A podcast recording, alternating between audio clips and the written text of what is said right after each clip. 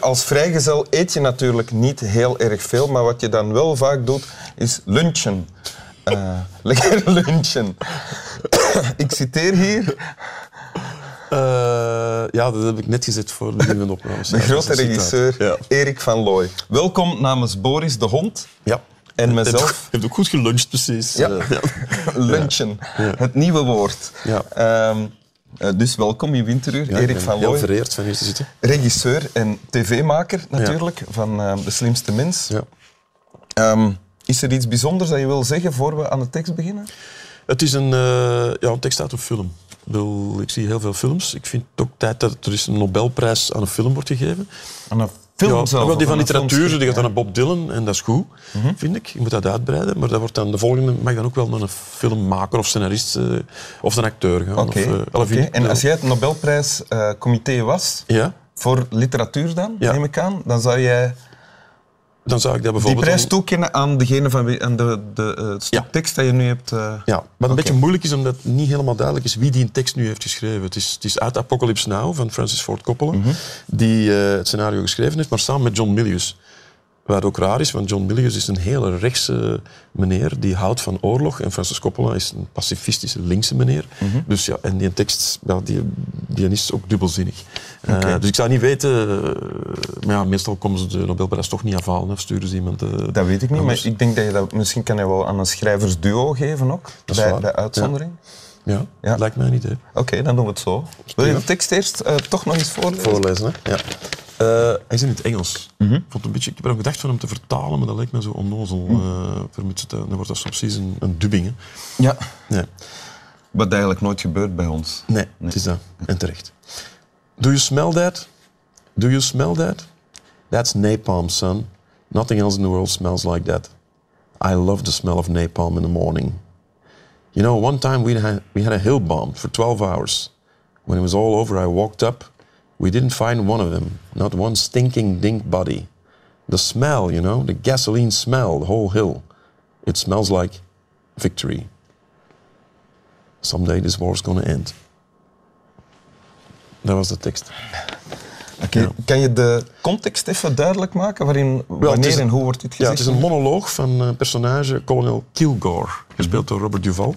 Uh, iemand die al heel lang oorlog voert, die er heel erg om gewend is. Uh, want je ziet, terwijl hij die tekst brengt, ontploft er allerlei bommen naast hem en hij trekt zich er niks meer van aan. Ja? En je voelt ook dat hij ja, de oorlog zal missen als die voorbij is. Die laatste zin, someday this war's gonna end. Hij zegt dat zo met het idee van, ja, wat moet ik dan gaan doen als ik oorlog er niet meer is? En de context is dat hij eigenlijk ook wil gaan surfen. Hij wil gaan surfen, dus over de oorlog in Vietnam. Mhm. Mm -hmm. uh, ze zijn daar aan, aan, de zee en ze willen gaan surfen, maar hij wil zijn soldaten laten surfen. Uh, maar dat gaat niet, omdat er heel veel artillerie is van de, van de Vietcong. Ja. Uh, en dan belt hij twee vliegtuigen met zijn satellietfoon. En dan vraagt hij van op heel dat gebied waar dan die artillerie zit, van dat compleet kapot te maken met napalm. En die strooien dan op napalm en dan kunnen ze gaan surfen. Dus oorlog, ja. Terwijl dat het allemaal in de gang is en, en uh, de bommen nog uh, naast Voilà, hen neerkomen. Dan leest hij die een tekst, ja. Vertelt hij vertelt hij een tekst, ja. Dan, leest hij, dan, leest hij, dan Ja. staat hij er met een En- papiertje. Ja, Ja, en, en om het helemaal aanschouwelijk te maken, Ja. heb, je- heb je ook eh, ja. foto's mee? ja, stel dat we de scène nog zouden spelen. Dit, dit is de man, dit is kolonel Kilgore. Ja. Gespeeld door de fantastische Robert Ja, Duval. dat nog even zien. Ja. Ja, oké. Ja. Voilà. Ja.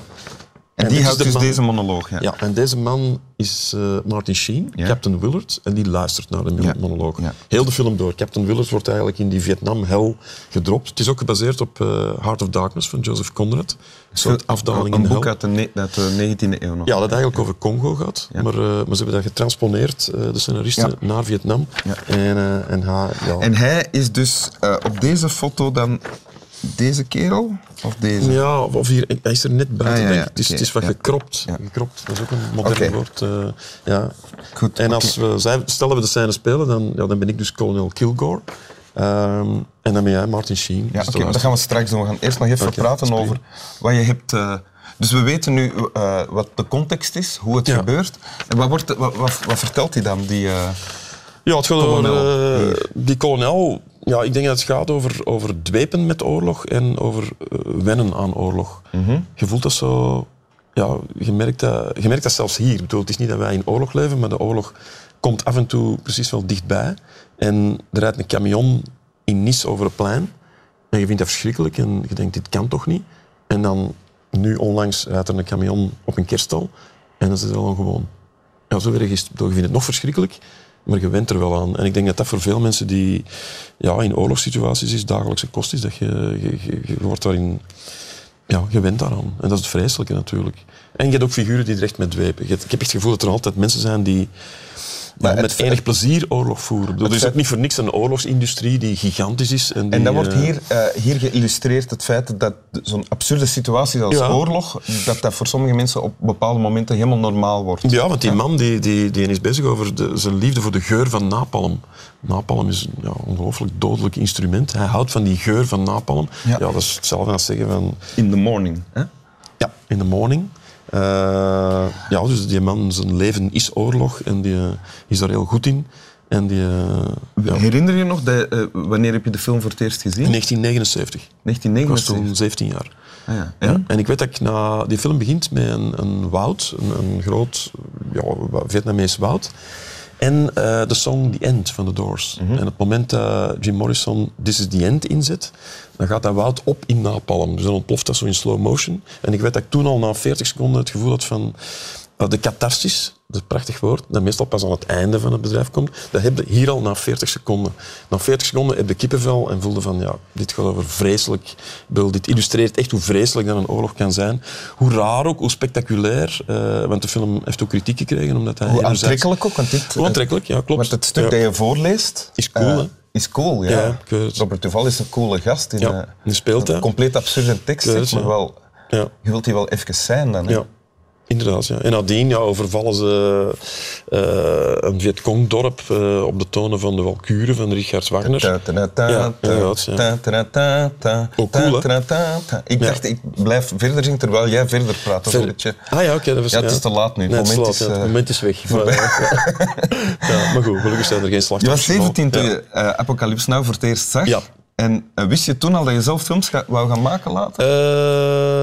Ja, eigenlijk wel. Ja? En ik heb ook mijn, mijn, mijn afstudeerproject eh, aan het RITS was duidelijk ook nog... eh, ik was nog onder de invloed van eh Apocalypse. Wanneer was je afstuderen? Ja, dat was in 84. Ja? Want dat ging dan ook over iemand die een monoloog deed, die eigenlijk in de Koreaanse oorlog heeft gevochten. Ah. Want dat is heel, mensen weten niet meer, maar in de Koreaanse oorlog, die toch niet niks was, eh, deden er ook Belgen mee. Ja. Er zijn ook Belgen gaan vechten. En dat was zogezegd een veteraan. Zo, ik zag heel graag in die tijd films over Vietnam-veteranen.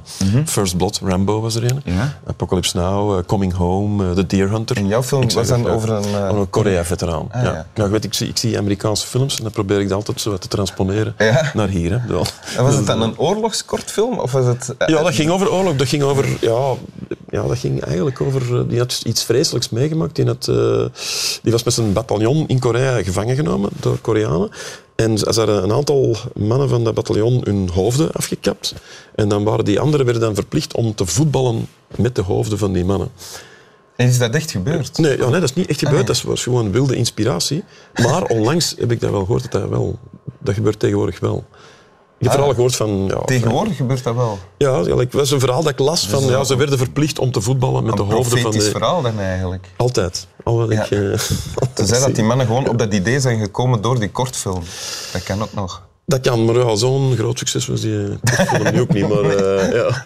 Nee, maar die is niet echt internationaal gegaan. Maar, eh, nee, maar ja, dat is ook het gekke aan het cinema. Je bedenkt ja, de gekste dingen en je laat je verbeelding de vrije loop. En dan, eh, en dan ofwel is het al gebeurd, ofwel gebeurt het ooit. Ehm, ja, je kunt daar niet tegen. hè. Maar als iemand een Nobelprijs literatuur, als die ooit naar een filmmaker zou gaan, zou, zou gaan naar deze film. En Ja. van deze film is dit jouw favoriet stuk tekst. Ja, klopt. Ja. Ja. Als dat mag, hè. Ja. Ja, dat mag. Ik ben blij dat je het vraagt. Ja, ja, ik ben blij dat ik toestemming Zullen we het nog eh, eens doen? Zullen we het nog ja. eens doen? Dat is goed.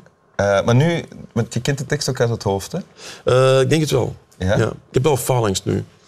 Jij bent Robert Duval dan? Ja. En jij bent Martin Sheen. Ik ben Martin Schie- Ik moet alleen maar zitten kijken. eh, Ja, en, en eh, de bommen ontploffen rondom mij. En ik Ah ja, met ik de schrik van, daar jij wel moet van af en toe ah ja. schrikken van een bom natuurlijk. Die ontploft eh, tijdens die teksten. Ja, oké. Ja, maar moet ik Maar echt- ook ja. niet te hard, ik vind wel ons bijvoorbeeld even moeten excuseren, omdat we natuurlijk nooit zo goed gaan zijn als Robert Duval Bij en Martin Sheen. en- Oké. Ja, Ja. ja. So excuse me, Mr. Duval. Ja, en Mr. Sheen, excuse me too. I'm being forced to do this. Goed. Ik doe een bril aan. Oké. Dr. Kilgore. eh kolonel Kilgore heeft geen bril. ja. You smell that? You smell that? That's napalm, son. Nothing else in the world smells like that. I love the smell of napalm in the morning. One day we had a hill bombed for 12 hours. And when it was all over, I walked up. Within one mile, not one stinking ding body. The smell, you know, the gasoline smell all over the hill. It smells like victory. Someday this war's gonna end. Jij wordt heel goed. Ik was... En nu Verdienst. wa- wandelde jij weg eigenlijk en ik kijk u na. Ja, dat klopt. Ja. Met een blik van wat is er hier gebeurd. Ja. Oké, Ja. Goed. dank u. Ja. Nee, jij hebt net bedankt dat ik hier mocht zijn. eh. Slap wel. ja. De hond is oké toch, hè? Oké.